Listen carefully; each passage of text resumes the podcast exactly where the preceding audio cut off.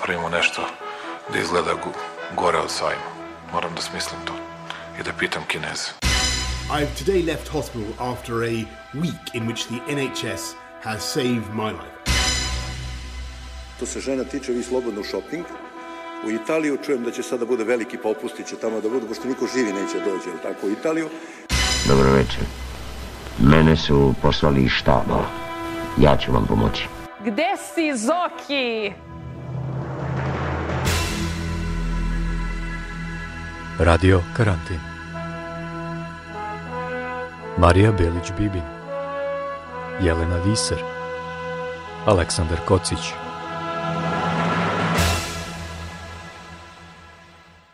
Šta vama znači muzika u teškim trenucima ili u samoći? Izlaz ili još dublji pad? Da li je za vas muzika usputna buka ili vam pomaže da jasnije vidite svet oko sebe i shvatite svoje emocije? Dobrodošli u novi Radio Karantin, podcast posvećen životu u pandemiji. Ja sam Aleksandar Kocić u Glazgovu, a sa mnom su kao i uvek Marija Belić-Bibin u Novom Sadu i Jelena Viser u Utrehtu. Naši gosti danas su muzičari. Iako su iz dve različite generacije, u mojim očima imaju zajedničko nešto važno. Ono što je rekao Bruce Springsteen, we learned more from a three-minute record than we ever learned in school. Sa nama danas u Ljubljani živa legenda jugoslovenskog novog talasa, pevač i vođa lačnog Franca Zoran Predin i u Pančevu članovi levorukog disco rock'n'roll elektro boy benda Butch Cassidy, Zoran Zarubica i Luka Racić.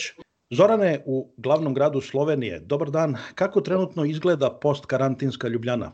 Pa dosta dobro. Danas je uh, malo ima malo sunca, trebali smo negde popodne između 4 i 5 svirati jedan a, pandemijski koncert na krovu RTV centra i ono, baš smo se radovali, to bi izgledalo ono kao Beatlesi na apple ali je neka ono a, tačnija prognoza prognozirala neku kišicu, pa su nas sada ono prebacili negde u studio, u tamu, ali ćemo i tamo ono napraviti. Ovde je gotova a, ova pandemija, nema više zaraženih, a, polako se sve opušta, nadamo se da će što pre dozvoliti i koncerte, barem one vani, i, ali se, sve se potpuno promenilo. Ovo, ovo razdoblje je a, onaj svet koji je bio pre pandemije,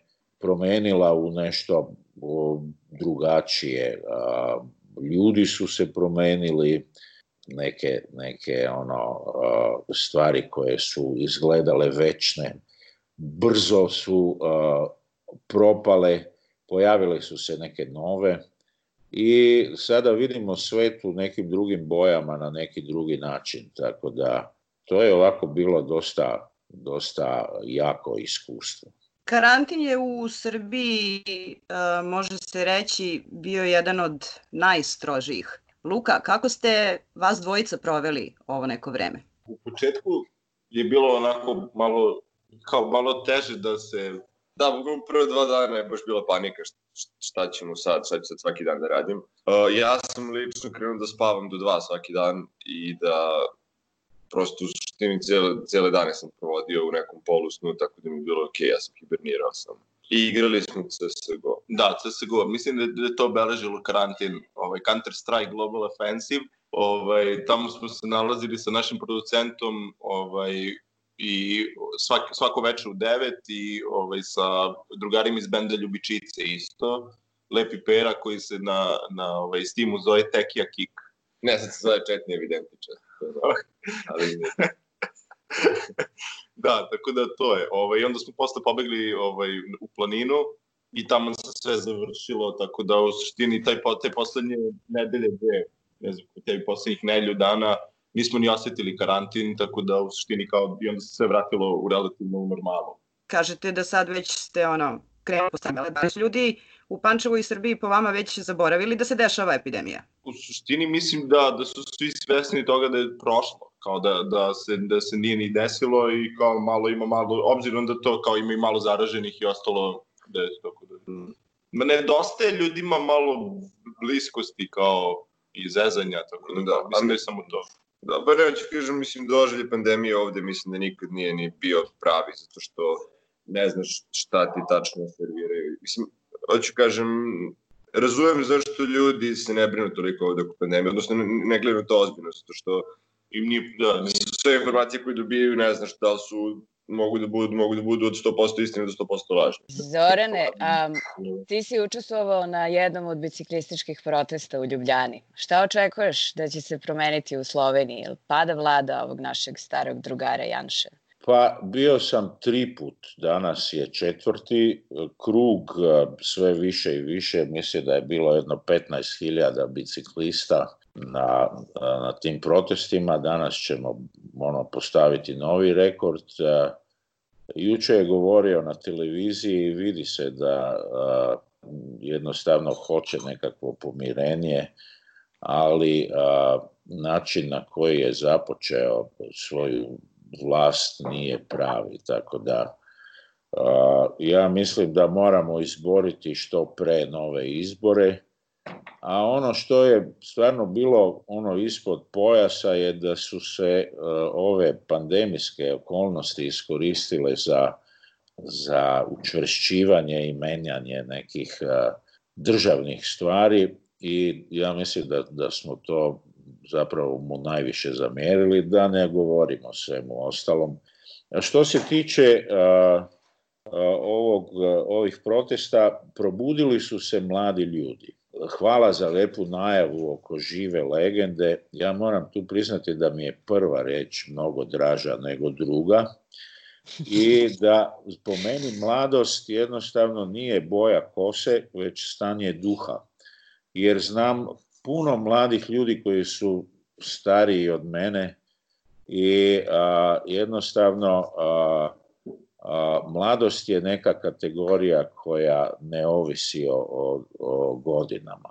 I mladi ljudi sada su a, ponovo počeli razmišljati o tome da bi stvarno bilo vreme da sami promene svet, da, a, da ga naprave za sebe, da, Znači, ekologija je izašla u prvi plan, malo socijalnije društvo nego što je taj turbokapitalizam donio u naše krajeve. A, svi oni snovi kako ćemo sada živeti u nekoj demokratiji pokazali su se da su nekadašnji režimski funkcioneri koji su preko noći postali demokrate, da su oni još gori od onih originalnih. Tako da jednostavno došlo je vreme da promene.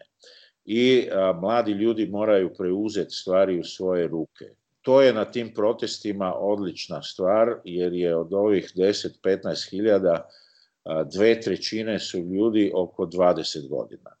I moram priznati da je, da je to nešto što čega već dugo nije bilo. A što se tiče one onih tamnih dana, prvih mjesec dana ove karantene, bilo mi je drago da se ponovo pojavio humor.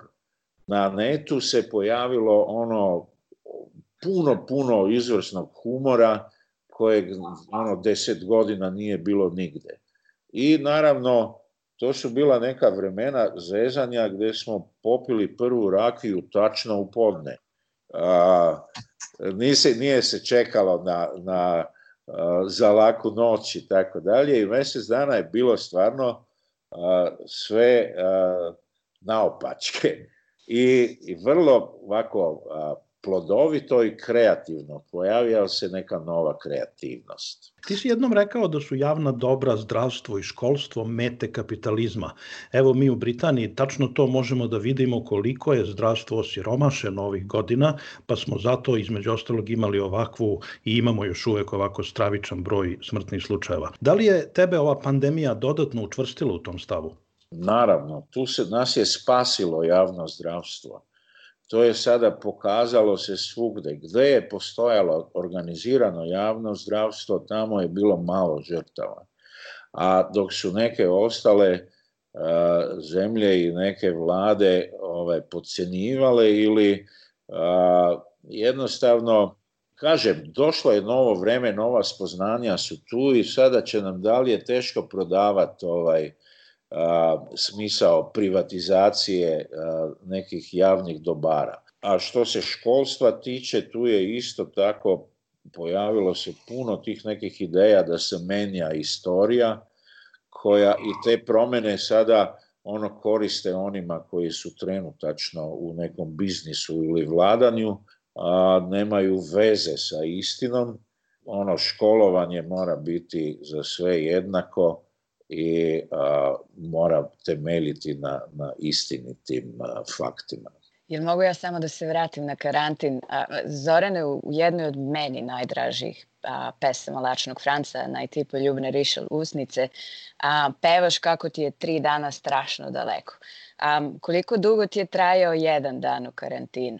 A, I da li se tvoja percepcija vremena uopšte promenila tokom tog perioda? ja sam mislio da će, da će te neke promene da budu a, veće, jače i tako dalje, ali me onda razmišljao sam o one četiri godine a, e, o Sarajlijama koji su bili zatvoreni u svoje stanove četiri godine i a, kako je to utjecalo na njih kad je, kad, kad je to završilo I onda me prijatelj i kolega Boro Dežulović ono razočarao i rekao, vidjet ćeš, ljudi će to zaboraviti u mjesec dana.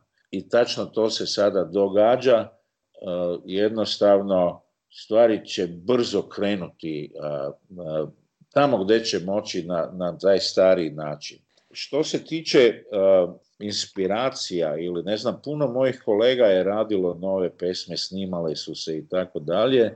Ja sam a, zapravo pao u nekakvo stanje gde su mi sve ove nove koje sam pokušavao napraviti zvučale tužno, ljuto, a, ovako bile su baš karantenske i ona se rekao ne, neću sada, moram to ovaj probaviti pa ću onda ne znam, preko leta ponovo, uh, imam puno drugog posla. Završio sam jedan roman, napisao sam roman, fikciju, uh, nešto što sam želeo već uh, dugo i to mi je sada treća knjiga. Ovih dana sam je dao u čitanje, tako da možda jesenas ću se ono i kao pisac romana na neki način predstaviti svojoj publici. Luka, da li ste ti Zoki tako možda iskoristili policijski čas u Pančevu? Mislim, mi, mi nismo ne, ne verujem u to da sada kao to desi neka ekstremna situacija, da će odjednom da promeni stvari, da mi odjednom ćemo napišemo da pesme ili nešto. Mislim, suštinski ovo se više izbacilo iz ravnoteže. Mislim, mi je redano to da bismo pisali pesme, nego, nego da nam je sad nešto dalo mnogo inspiracije, to što smo sedeli kod kuće svaki dan, ceo dan. Da, navikli smo da iz iskustva, to je neke stvari koje nam se dešavaju, primetimo neke stvari i onda pišemo o tome, a pošto se nikom ništa ne, nije dešavalo, neko nismo ni pisali. Dobro, ali vas je inspirisalo recimo uh, onda uh, izlaženje po klubovima i uh, vi imate tu pesmu Nema ljubavi u klubu, uh, ja recimo sada slabije izlazim po klubovima, ali i kada jesam, ne mogu da kažem da je u klubovima bilo ljubavi. Međutim, te ljubavi jeste bilo na kućnim žurkama. Sada sa svim ovim distancama, bez klubova trenutno, pa čak jel da ne ni nekih kućnih žur, e, žurki, gde je ta ljubav, gde možemo da je nađemo? da, nismo mi, nismo, nisam nas toliko inspirisalo ovaj, izlaženje po klubovima koliko stvari koje se dešavaju i kao to kao emocije koje proživljavamo kroz, kroz klubove možda. Ali u suštini možda, nije, nije kao, da, najveći problem što se traži, to je kao nešto što se juri. Kućne žurke su spontanije nego klubovi da. i onda samim tim je lakše se desi nešto. A da, za vreme karantina nije bilo ničeg od toga i onda ne postoji njihova ljubav. A ova neka online ljubav, Ja, mislim, mislim da i dalje, izvini, ima, ima prosto gomila stvari koje dalje ne mogu da se komuniciraju online, koji su nastavni deo to, te traženje ljubavi i tako da. Tako da, online je okej okay za neke stvari, za ovakve stvari, znaš, ono, kad, kad su upitanju više informativne stvari to, ali mislim ti sad se možeš nekim online, to prosto mislim da ne radi. Mislim, kao može, ali ovaj, ne, ne, ne, kao, ne, ne vidim koliko je to konkretno odbiljno. Pa da, i mislim... Možeš da mislim, kao da. postoje veze online, sve to super, ali neko, mislim, ja bar nisam navikao da tako funkcionira. Znam dokle ne može. Do kraja, da, da znam, do kraja ne može da dođe, da.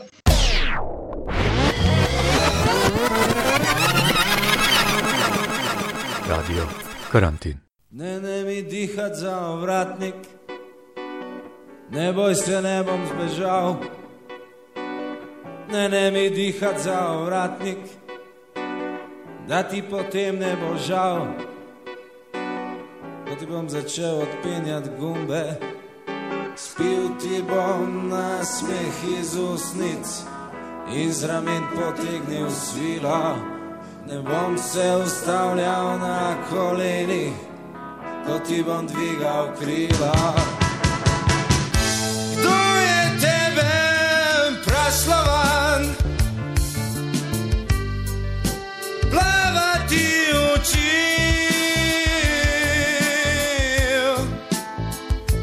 priplaval tisto rusko reko in se v mojih genih naselil.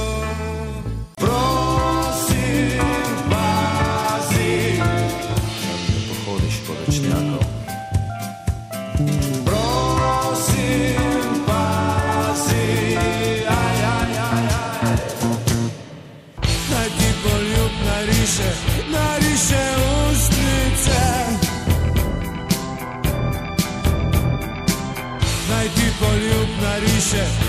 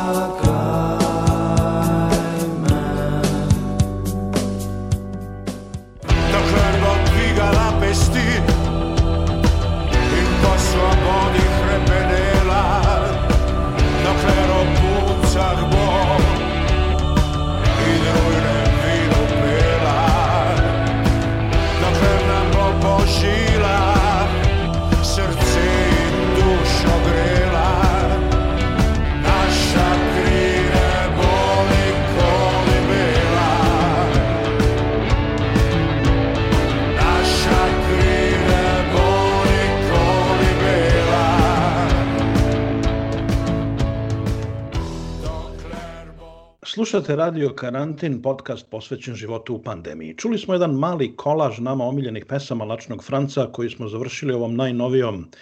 Zorane Lačni Franci nedavno izbacio tu sjajnu pesmu Naša kri, nebo Nikoli Bela. U kojoj meri ovaj, prinud, ovaj period prinudne izolacije bio inspirativan za tebe? Kažeš da si zaključio da su sve pesme mračne možda, ali ova nekako meni u stvari deluje vrlo pozitivno. Pa da, tu je, kad sam govorio o ovim pokušajima menjati istoriju. U Sloveniji se dogodilo da je Vrhovni sud eh, poništio jednu sudbu iz 45. gde su osudili jednog eh, generala eh, Rupnika koji je bio belogardista, domobran i ono Hitlerov sluga. I a, naravno a, to me ovako potpuno uzbudilo ja sam veliki obožavatelj i pristaš partizanstva. Partizanstvo. Meni, za mene su, ali moram to pojasniti, za mene su partizani bili do 45. Posle 45. sve je se pretvorilo u Jugoslovensku narodnu armiju i to je druga priča. Tamo gde je ideologija, gdje je komunizam, tamo mene nema i a, ljudi to dosta teško shvaćaju, Br brkaju jedno i drugo, sve bacaju isti koš, no partizanstva ne dam. A, ja ono baš divim se svakome koji je skupio dovoljno hrabrosti da 41.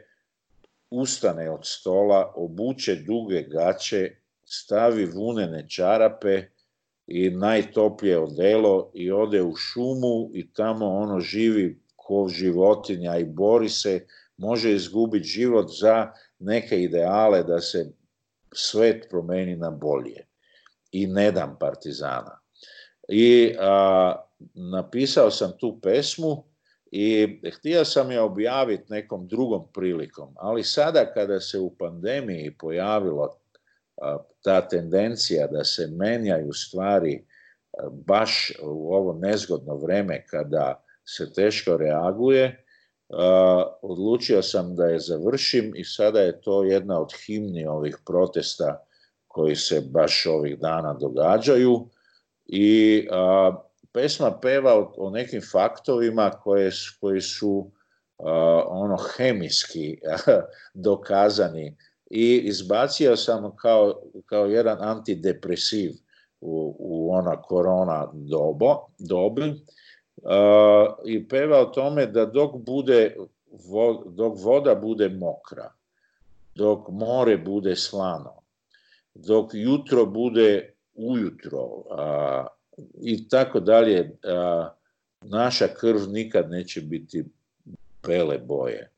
I uh, ja mislim da su svi dobro shvatili o čemu ona peva i sad je a, vrlo popularna, i, ali radio stanice koje se plaše zbog sponzora i, i tih vlasti, oni su vrlo, vrlo ovako a, a, suzdržani u tome, no ona ide nekim drugim kanalima.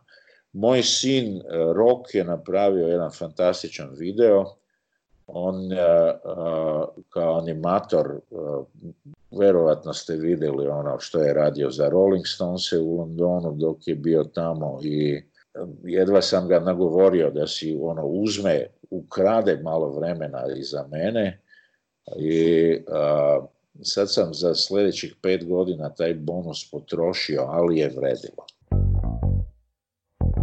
Radio karantin Pandemija koronavirusa je potpuno zaustavila onaj već duže vreme komercijalno najvažniji aspekt muzičke industrije, koncerte.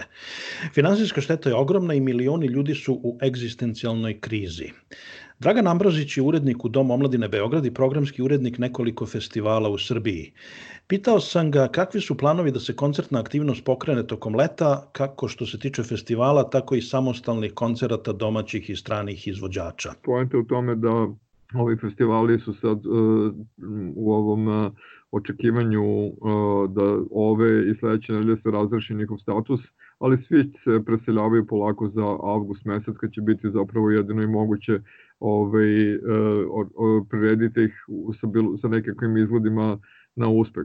Stvar je u tome da treba da se ispuni više uslova. Prvo da može da se obezbedi program, a sa druge strane ovaj, e, treba vidjeti ko od publike može da dođe. Mislim, festivali su u Srbiji uopšte postali značajna turistička stavka koja dovodi dosta ljudi iz regiona i iz inostranstva, Prema tome, e, to je sve skopčano, sa, opet kao što rekao, sa zdravstvenim rizitima. Šta će biti sa exitom ove godine? Pa, ove godine, kako sad stoje stvari, u, bit će 20. E, exit, znači obilavno bit će uskraćeno ili u nekom drugom uh, ali približno formatu održan u avgustu, sad se čeka zapravo ta neka vrsta prelomne odluke od strane vlasti na, na koji način će biti dozvoljeno, ko, koliko posetu sad imaš. Konačno treba videti ko može sada da dođe. Ali moram reći da je vez da će se exit ipak održati u avgustu odjeknula i tekako širom sveta. U New Musical Expressu objavljena velika vest o tome, u raznim industrijskim časopisima. To je jedini major festival u stvari koji će izgleda uspeti da se održi ovog leta. Sad sam video vest danas da je u, došlo do problema sa nekim afrofestivalom u Lisabonu, koje, odnosno u Portugalu, koje je trebalo da bude održan preko leta, pa su e, organizatori rekli e, kupcima karata da čuvaju te karte za sledeću godinu, ali da im pare neće vratiti. I onda su počeli organizatori da dobiju pretnje smrću jer su ljudi besni i traže, to su ipak velike pare, kupiti ulaznicu za jedan trodnevni festival nije jeftino. Kakva je situacija u Srbiji sa eh, otkazanim koncertima, sa eh, refundiranjem kupaca? Nikad se nije desilo istoriji da, isto, da istovremeno budu svi događaje otkazani. Svi koncerti su otkazani, svi festivali su otkazani. Šta to znači za neko ko je distributer karata? To znači da bi po nekim uobičajenim protokolima i procedurama, on sad treba da vrati pare za sve što je otkazano tokom cele 2020. godine. To prosto nije moguće jer onog momenta kad distributor karata ostvari e, prihod, on ga u skladu sa ugovorom šalje, prosleđuje dalje e, organizatoru koncerta. Niko ne čuva pare pa da posle koncerta to tek radi. To se radi u hodu, na mesečnom nivou. Svakog, svakog meseca ti neko uplaćuje, ako je koncert na primjer u septembru, uh, karte, se, karte su počeli se prodaju, na primjer, u januaru i onda imaš prihod u januaru, Uh, distributor karata, organizator januaru, februaru, martu, aprilu i tako dalje. Taj novac dalje uh, služi organizatoru karata da refundira, da u stvari plati 50% avansa uh, izvođaču i da uloži u kampanju i tako dalje i tako dalje. Znači taj novac se stalno vrti i niko nikad nije doživao u muzičkoj industriji ovakvu vrstu e, reza sekirom jedini način zapravo za organizatore koncerata i za distributere karata očigledno je da podele tu vrstu rizika sa svojom publikom. Opet, sa druge strane, svako ko je kupio kartu, događan je održan, ima puno pravo da očekuje da bude da novac bude refundiran. Verujem da će se koncertna industrija polako vraćati u formu, da tako kažem, i da će polako uspevati da stane na noge i da, da vrati sav toj novac niko nema ni najmanji interes da e, da tako kažem, zabrane onog pojedinca na kome sve počiva, a to je pored umetnika sa druge strane kupac karata za koncert. Radio Karantin. Luka, kakvi su vaši planovi u vezi sa povratkom na Binu? Što pre, što jače. u suštini čekamo reakciju svih tih jeli, organizatora, klubova, ovaj, festivala mi smo bili baš naoštreni ove godine da sviramo što više, ali smo ovaj, gomilu koncerta nismo svirali sad u aprilu. Ove, ovaj, tako, da, tako da ništa, čekamo čim pre da se vratimo u sedlo, u suštini to je. Da, neki festivali su rekli da će se održati, mislim da smo mi sad za, za sad četiri festivala potvrdili. Ovaj, sad ne znam u kakvim će se sve okolnostima ovaj, održati taj festival zbog maske, zbog svih tih stvari koje ovaj, koje su sada ovaj, neophodne da bi, da bi se održao prosto festival. Ovaj, ali da, mislim, mi planiramo jesenju turneju svakako, tako da sve što, smo, sve što nam je ostalo od aprila, to što, što se nije održalo, pre, prebacujemo na jesen, tako da mislim da će nam biti jesen prilično burna Da, nama se svira, svima se svira, naravno. Nije i toliko do kao tih finansijskih problema, koliko je do stvarno želj da izađeš na bilo da se slušaju ljudi, pošto su, na, nama je prekinut stvarno taj a, divna stvar da smo sve do sada koncerte rasprodali, to je da su bili puni. Ove, ovaj, I to je nešto što je neko nas tera da, da sviramo i da radimo više i da radimo bolje. Je li vas ovaj, ta situacija umeđu vremenu negde? To, eto, baš vam je krenulo ovaj, u celom regionu je onda bam, korona. Samo, samo je napravilo pauzu, mislim, mi ćemo i dalje nastaviti sve to da radimo. Kao, mislim, da su ljudi da željni koncert. Da, možda, možda je lepa stvar to što će ljudi vjerojatno budu još željniji sada. Da, mislim, i mi da sviramo i ljudi da dođu na koncert da se provode, tako da možda, možda bude još luđe. Zorane, ti si u poslu već dugo. Da li je ovo najveća kriza u industriji u tvom iskustvu? Pa da, mislim, ono, kad su bili ratovi 90. tada je Tada se to raspalo na manje scene. Mlačni Franc je bio ono, jugo, jugo brand i jugo band i tada je sve skupa stalo. Sada se pojavio onaj problem koji, znači zdravstveni, nekak, nekakva nelagodnost ljudi koji će se, iako će biti dozvoljeno, tek privikavati toj novoj realnosti. Znači, e, bit će tu malo problema oko toga e, napuniti dvoranu, pa onda tamo s jedne strane neko počne da kašlja i e, ne znam tačno kako će to biti. Verujem da je veći problem, nažalost, u tome što je ekon, sve su se države zadužile, po, ono, potrošile su pare, ne znam, pozajmile i tako dalje, da će biti ovako ekonomska kriza svugde, a koncerti, e, utakmice, e, pozorišne predstave, izložbe i tako dalje, to u budžetu dolazi na kraju. I kada nestane e, porodičnog budžeta, nestaće i para za, za ulaznice I to je ta druga faza koja će nas uhvatiti jesenas i nadam se ono na iduće godine nekako da će se možda stvari vratiti u stare tirnice u tom ekonomskom smislu. Inače, ono, predviđam, ne znam, spuštanje cijena, a, Zamislite kakva gužva će biti za one bine koje će se preko leta otvoriti jednostavno svi će konkurirati za tu istu binu a, iz svih žanrova i tako dalje. Tako da, ne znam, vrijeme će pokazati i kao uvijek ono najjači će ostati. Sada, što se medija tiče, ne, a, pobedit će najprije bendovi koji su bendovi za gledanje, za oči. Znači, oni komercijalni koji rade u smislu biznisa i zabave, i recimo koji imaju te neke vizualne atribute, ne znam, da dobro izgledaju, da plešu, da ne znam, u tom smislu.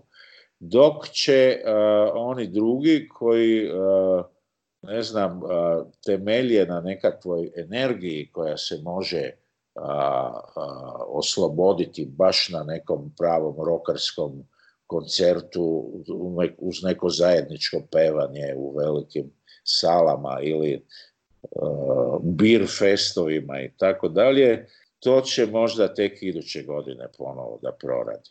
Ja sam tu, imam tu sreću da dosta nastupam kao kantautor, znači sam sa gitarom, u nekom duetu uh, ili Gypsy Swing, akustična glazba i Lačni Franci imamo akustični program, tako da ću se pokušati nekako nuditi svugde gde će to biti moguće, jer to mi je, ono, od toga ja živim, ja nemam drugih prihoda. Jednostavno, nadam se da će se kroz ovu pandemiju ponovo a, pojaviti a, a, bendovi koji će u svojim pesmama nositi poruku. Znači da to su oni koji u Ljubljani sada sednu na bicikl svaki petak u sedam, i da pokušavaju nešto reći. Znači da se možda vrati u glazbu ono što je nekad imala, do granđa, do, do nirvane, ne znam.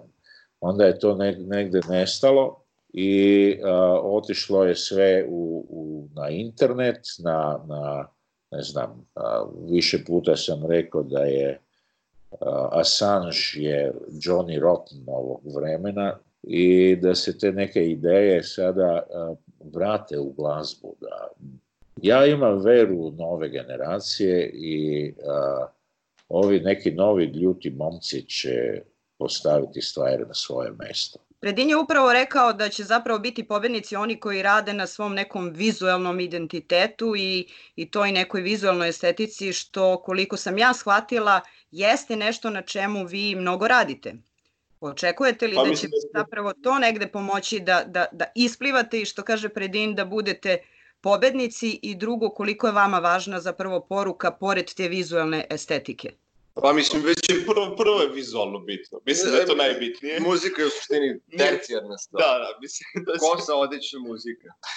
Ove. Ovaj. Um, ne, mislim, to nam je zapravo već pomoglo. Mislim, to što je Zoran rekao smo mi već uradili i, i već nam je pomoglo dosta da se izdignemo ovaj, u odnosu na drugi bendove.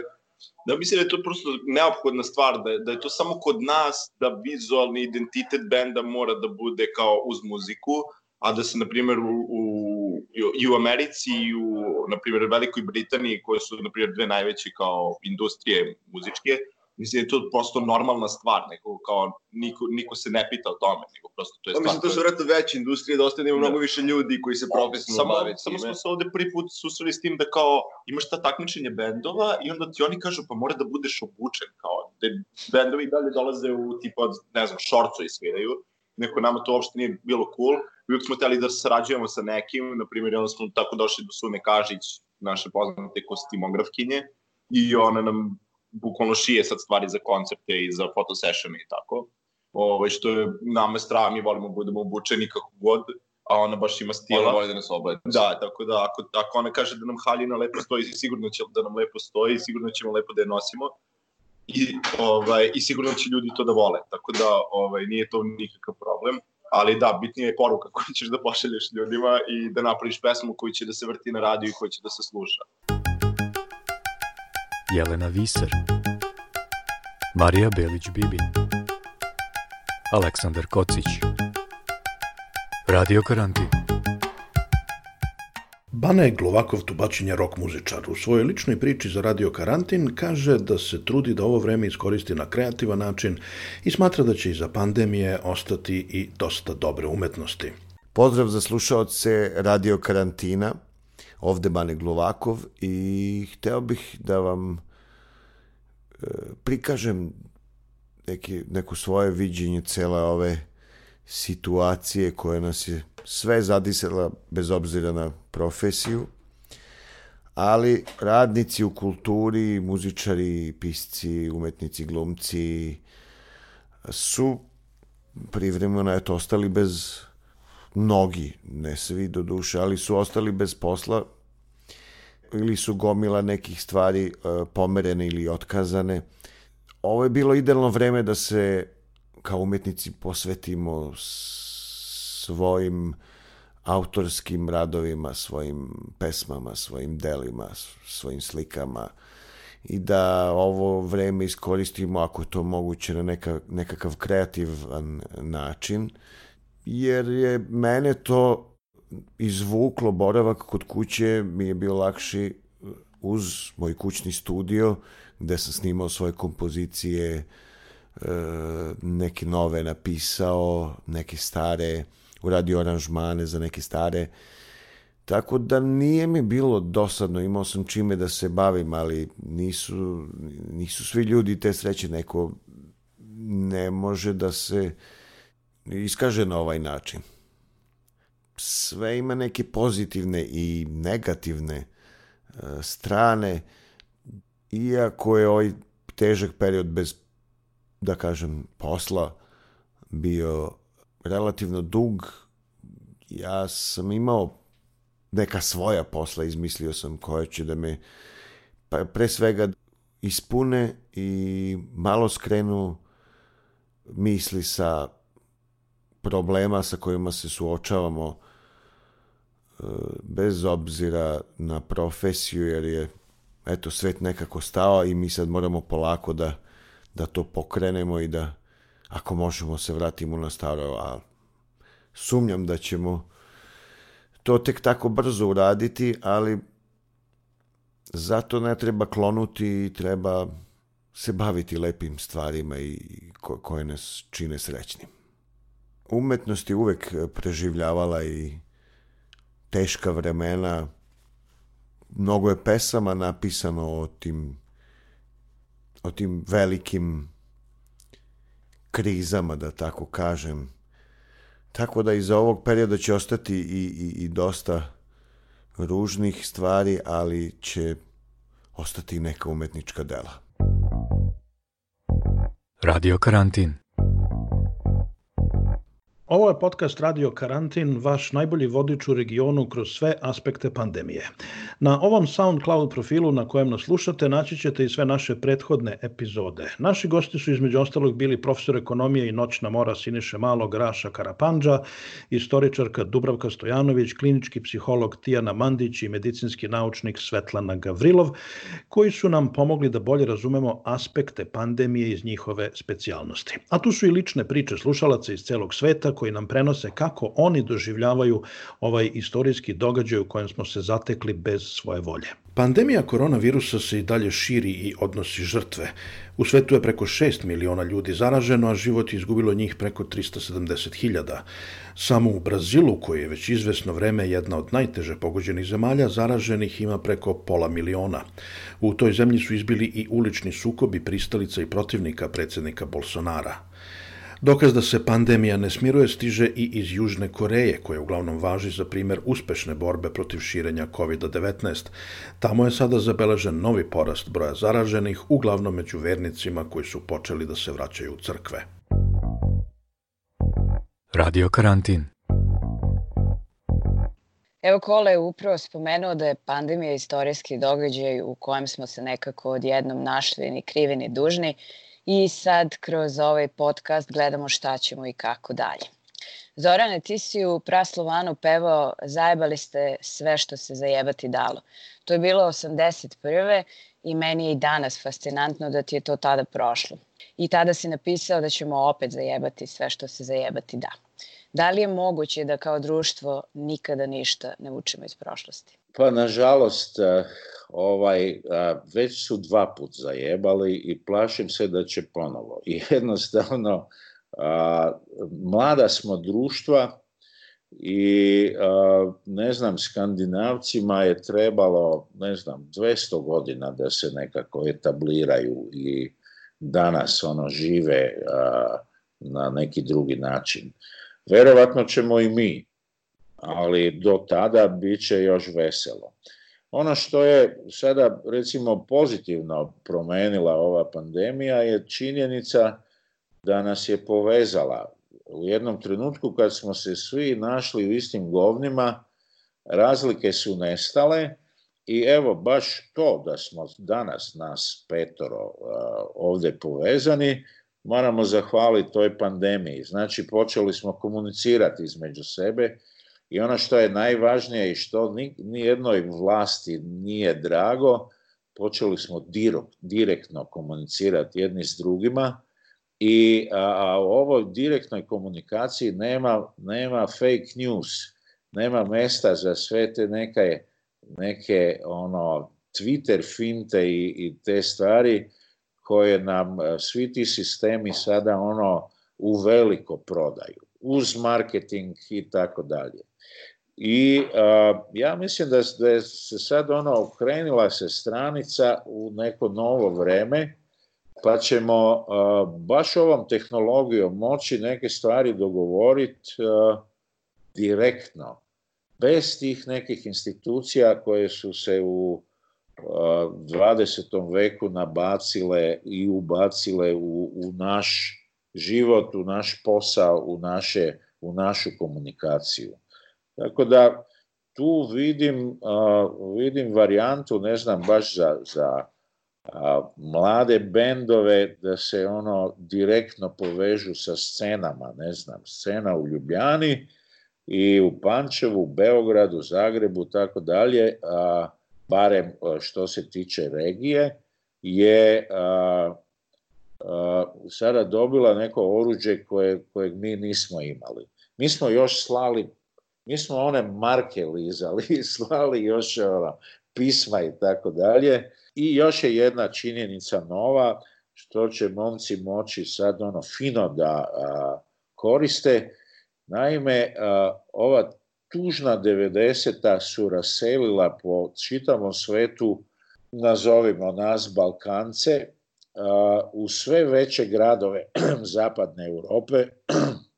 Verujem da Svi znamo da, ne znam, u Čikagu živi deset i više hiljada Srba, da u Dublinu živi sedam hiljada Hrvata najmanje, da je Prag pun a, bivših Jugoslovena i jedna je činjenica a, da se sada tamo može organizirati u na komercijalnim a, temeljima koncerte, što je bilo nezamislivo i ne znam, mi smo pozvani u Chicago, u New Yorku, u Toronto, bez nekih ono ministarstava za vanjske poslove i tako dalje, već direktnim kontaktima sa ljudima i još nešto.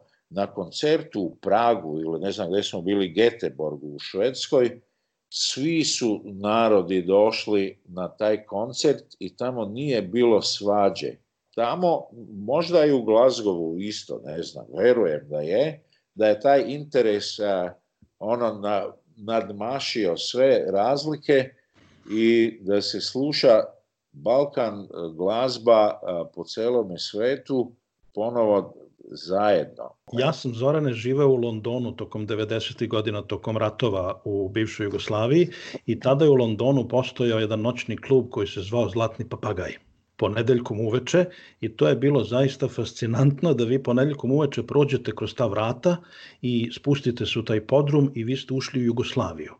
Tu su bili ljudi iz cele bivše Jugoslavije, tu su dolazili bendovi koji su uglavnom nastupali na playback i odjednom svi zaborave iz čega su pobegli, zaborave na ratove i na vesti od kuće i ovaj, pevaju stare pesme. Ti si jednom rekao da je muzika iz 80-ih nosila zaraznu radoznalost i poetske poruke koje su potpuno promenile svet, a da je danas muzika uglavnom samo industrija zabave. E sad kad vidimo na šta liči ovaj svet danas, da li to znači da su poruke od tada bile pogrešne? Uh, ne.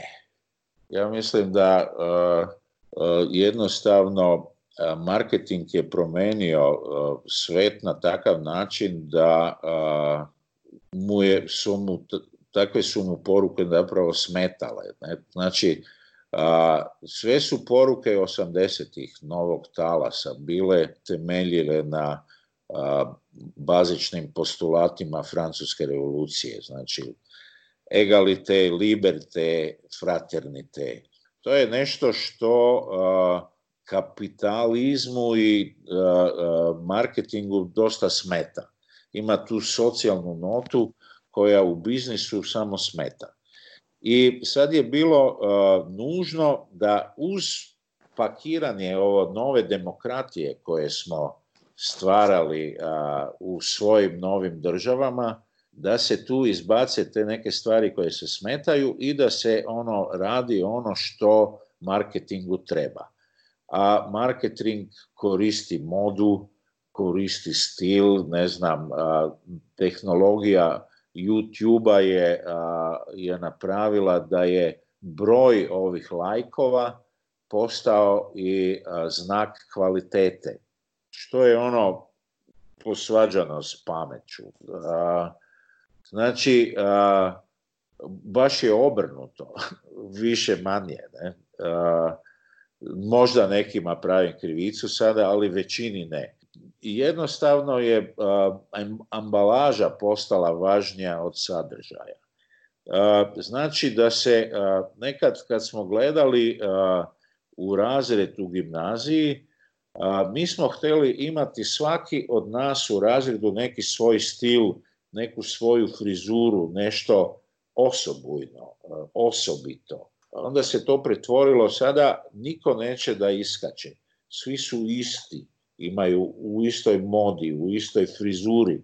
Ovi vikinzi su sada preko futbalera promovirali najnemogućije frizure koje su jednostavno ono zarazne. I, i pogledaš ono u razred a, e, gimnazije, jer više manje svi su isti. Nema, sve manje ima onih koji razmišljaju svojom glavom I to je to što sistemu treba.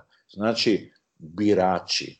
Birači koji će verovati medijima i a, oni će glasati. Tako se promenila Amerika, tako je Trump došao na, a, na vlast i sada Trumpa kopiraju svi ovi bivši komunisti koji su sada najveći do, demokrate i pokušavaju vladati na isti način. Tu su poruke iz novog talasa apsolutno žive i, i na mestu. A treća scena svetska glazbena je definitivno bio jugoslovenski novi talas u 80-ima. To je fakat. A sa druge strane mi je potpuno jasno da nekim novim klincima ide na kurac, ovaj, naš novi talas, da imaju pun kofer a, o, svih tih bendova i pesama koje su neprestano izvlače iz... A, a, ali dok ne bude boljih, onda ne dam ovih. Ove su još na mestu.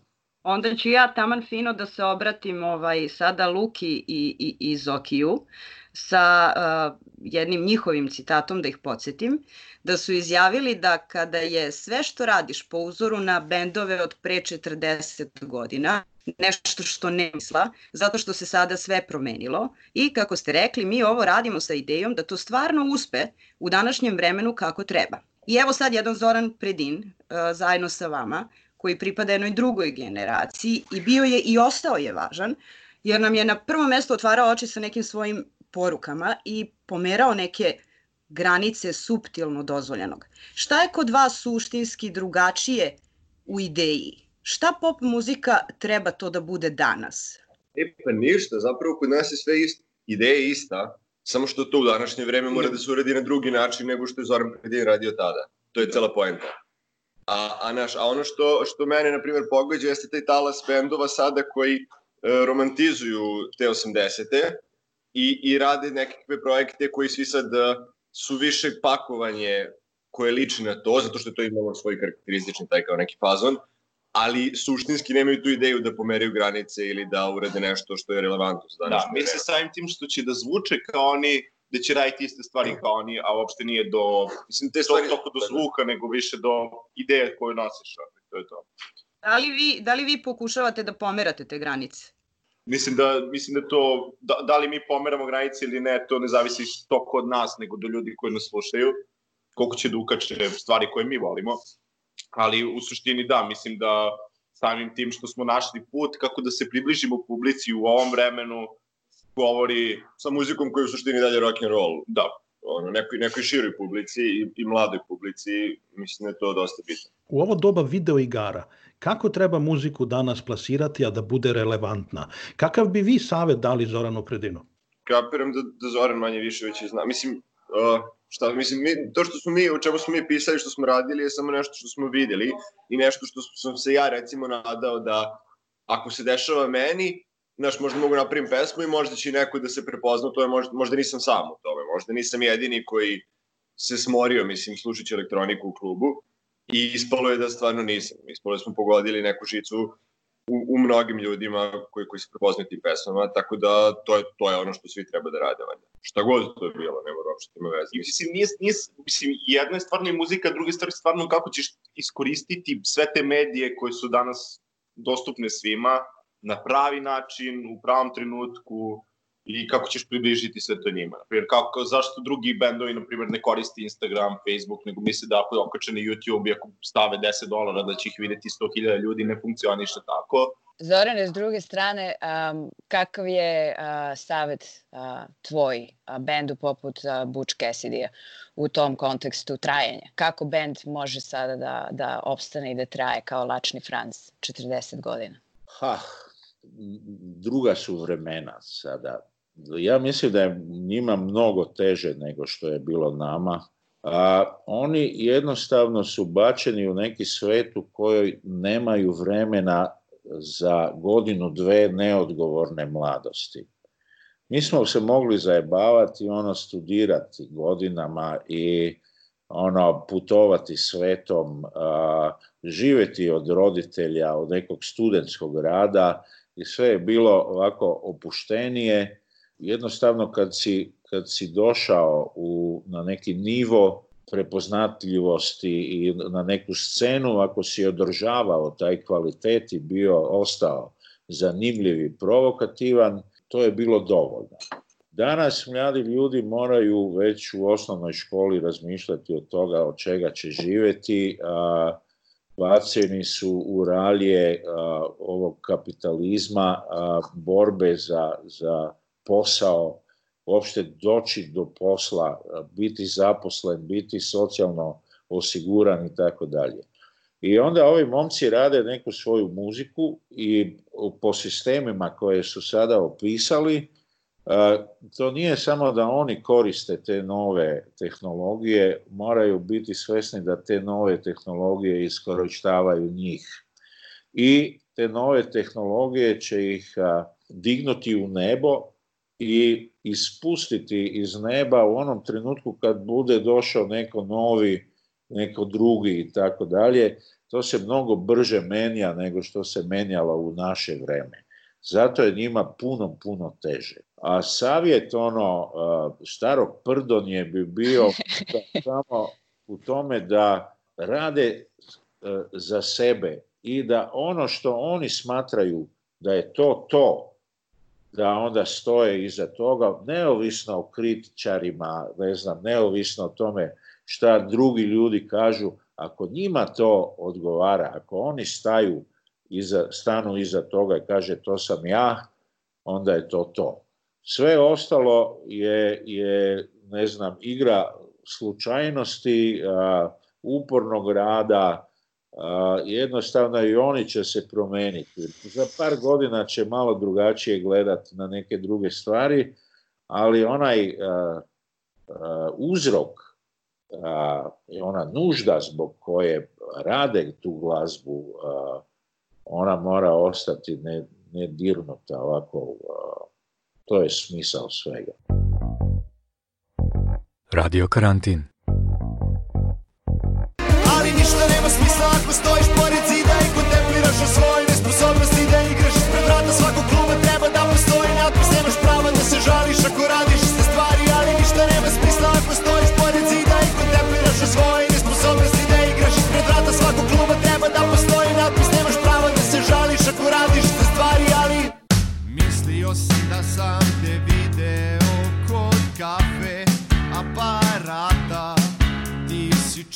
kola svi produženi neskapućino ja sam čekao kod vrata Nekog drugog nije bitno da mi služi kao maska Dok te gledam kako stojiš brojiš 30 dinara Znam da niko ne vidi tvoj osmeh kako mogu da ga vidim ja Moram da ti javim draga da ne mogu bez tebe, ne Nema sumnje, ti si ona prava Ti si svako moje sećanje Svaki stih, svaka igra i san Svaki prokleti dan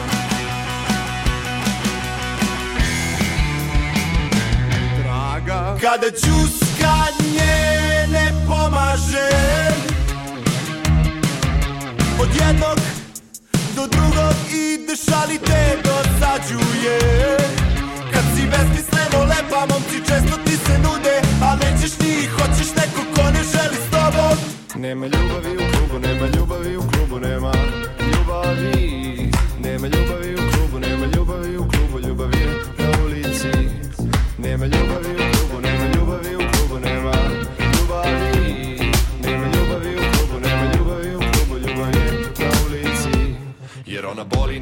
zraka kao bitovi Koji imaju za cilj da ti zamagle vi I ti misliš da se tako živi, ali ti u stvari hoćeš da zaboraviš Bio ovo mali kolaž nama najdražih pesama Butch Cassidy-a, benda za koji mogu da kažem da me prodrmao kao ni jedan drugi, bar u poslednje vreme, a još je i iz Pančeva. E sad, Zorane, ti si iz Slovenije, pevaš i na slovenačkom i na srpsko-hrvatskom, i publika te voli širom bivše Jugoslavije. Rekao si da je za tebe Jugoslavija duhovna domovina gde žive ljudi koji te shvataju bez puno reči.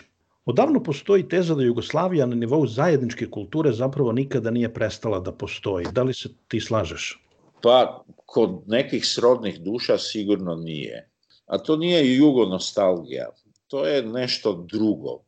A, ja bih proširio, znači ne samo glazba, tu je gastronomija, kulinarika, tu je basket, košarka recimo. Ne?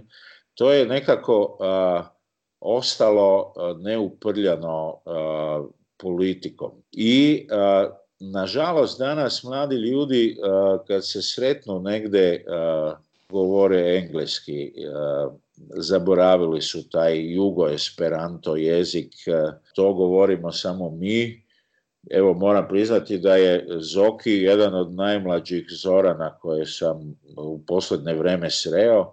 Nema nas više puno, ali mislim da će, da će neka pozitivna energija koja je proizašla iz tih a, 70 godina zajedničkog a, života, da će a, i već je rodila neki novi kvalitet u jednom trenutku mislim da će e, Jugo Esperanto, tako ja nazivam ove jezike koji su nastali e, iz bivšeg srpsko-hrvatskog, da će postati to moderno. Jer vidim kod mladih slovenaca koji dođu u Beograd i tulumare tamo preko vikenda, e, ili ne znam kad sam ja sa novom postavom Mlačnog Franca, znajući kako da se bend rađa na kotačima, Bacio sam ih u kombi i po prvi put ove odveo u Srbiju. Svirali smo u Novom Sadu, Beogradu, Nišu i a, Užicu. I ona u nedelju naveče nisu se hteli vratiti doma kući, rekli su ajmo ostanimo još malo. Ovo je bilo za njih potpuno novo iskustvo, nekakav drug, drugačiji temperament, reakcija i tako dalje. I mislim da ako smo sada počeli komunicirati ponovo, barem elektronski, da će se i te, te nekakve, eh, eh, ta nekakva zanimancija za, za to o čemu eh, mi njihovi roditelji ili dede i bake govorimo, da oni to vide na vlastite oči, da iskuse, pa da onda stvarno dožive to u, u, u druženju, recimo, ne? suradnji, u, u nečemu. Pokazalo se da jednostavno uh, ipak imamo nešto zajedničko. Sad je, svako ima nešto što bi za, za sebe mogao pronaći, naziva to nekim drugim imenom, ali verujem da a, imamo nešto zajedničko. Možda neki ne znaju da to postoji, ali tek u slučaju kad se dogodi direktni kontakt, onda to postoji. nba e, u sada čitam, ovaj, Amerikanci su počeli pisati o tome da bi klub kojeg bi napravili od igrača iz bivše juge bio definitivno NBA prvak. Mene to i raduje, recimo. A Luka i Zoki u, u, u Pančevu kao generacije koje nisu rođene u toj nekoj uh, bivšoj Jugoslaviji. Šta, šta za vas uopšte znači taj pojam o kom se priča kao ta neka Jugoslavija, ta neka reč, uopšte ta ideja? Imate li bilo kakav odnos prema tome uopšte? Da, ja nemam pojma o čemu ja, pričate. Ja da, ne znam, ne, neš, nešto smo spominjali Već u osnovnoj. Već 15 minuta nešto pričate, ali ja ne, raz, ne mogu da se uhvatim ništa pošto se stalno, mislim, vrti se ta tema Jugoslavije, to mislim, ono što, što je došlo do naše generacije su dve stvari, uh, ozbiljno sad, mislim da je bilo sve, mislim da je vladao jedan kolektivni duh koji je bio prilično interesan, mislim, kao o, neku stvar koju mi uvijek želi da imamo u tom smislu da kao možemo da stvarno da nam ne treba granica između bilo kojih od tih zemalja, zato što stvarno pričamo istim jezikom i razumemo se, što je i stvarno dovodi do besmisla. I ti ratovi koje mi prosto ne razumemo ni zašto su se desili i niko realno ne razume ne, i kao ne, niti treba, mi, mi kao noge racije treba se bavimo uopšte tom temom. Ovaj, zato što prosto nije tema koja treba nas da se tiče, nego mi smo samo prosto pro, prosto je stvar koja je, koja je bila, ne znam. Mislim da prosto nije stvar koja se desila našoj generaciji, da, da, je, da se to desilo, desilo našoj generaciji, onda bi imali u čemu da pričamo ovako. Mislim, ja mislim da možda možemo da naučimo nešto iz toga, a, a mislim da, da, da je u pitanju zapravo rat između političara koji profitiraju iz toga i nas koji ćemo da ne jebemo ako, ako ponovo krene nešto u tom smeru. pa nama je da- zanimljivo, nama je zanimljivo ova, ovaj ugao. Vi nastupate takođe u regionu kao što nastupaju Zoran i Lačni Franc. Na kakvu reakciju vi nailazite kad odete u Hrvatsku ili u Sloveniju? E, kako vidite da ljudi doživljavaju vaše pesme? Drugačije od onih u Srbiji ili na isti način? Ili nema veze uopšte?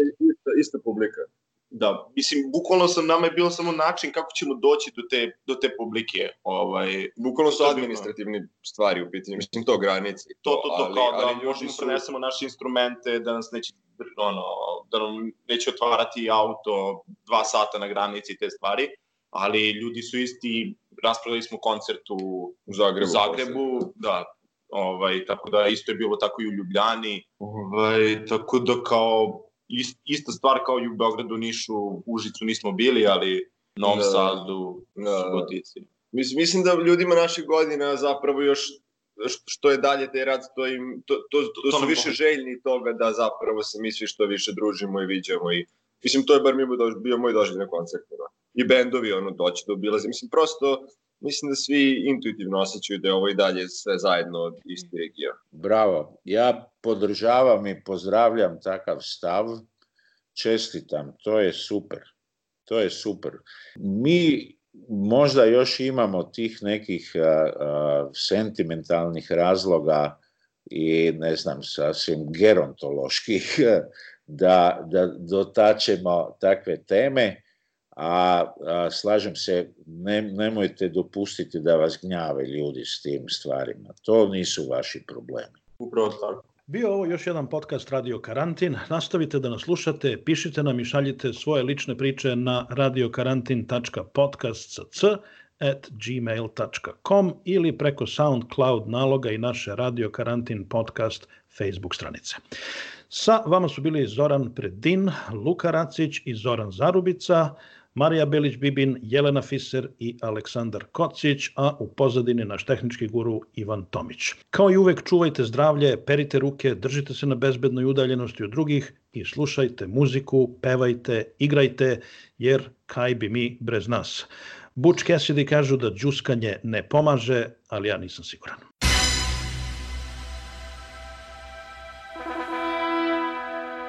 Moramo da napravimo nešto da izgleda gu gore od sajma.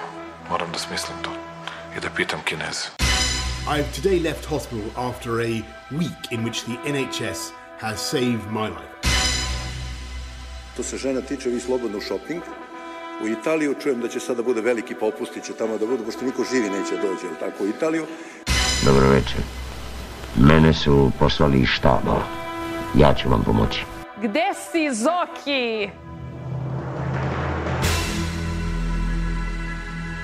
Radio Karantin Marija Belić-Bibin Jelena Viser Aleksandar Kocić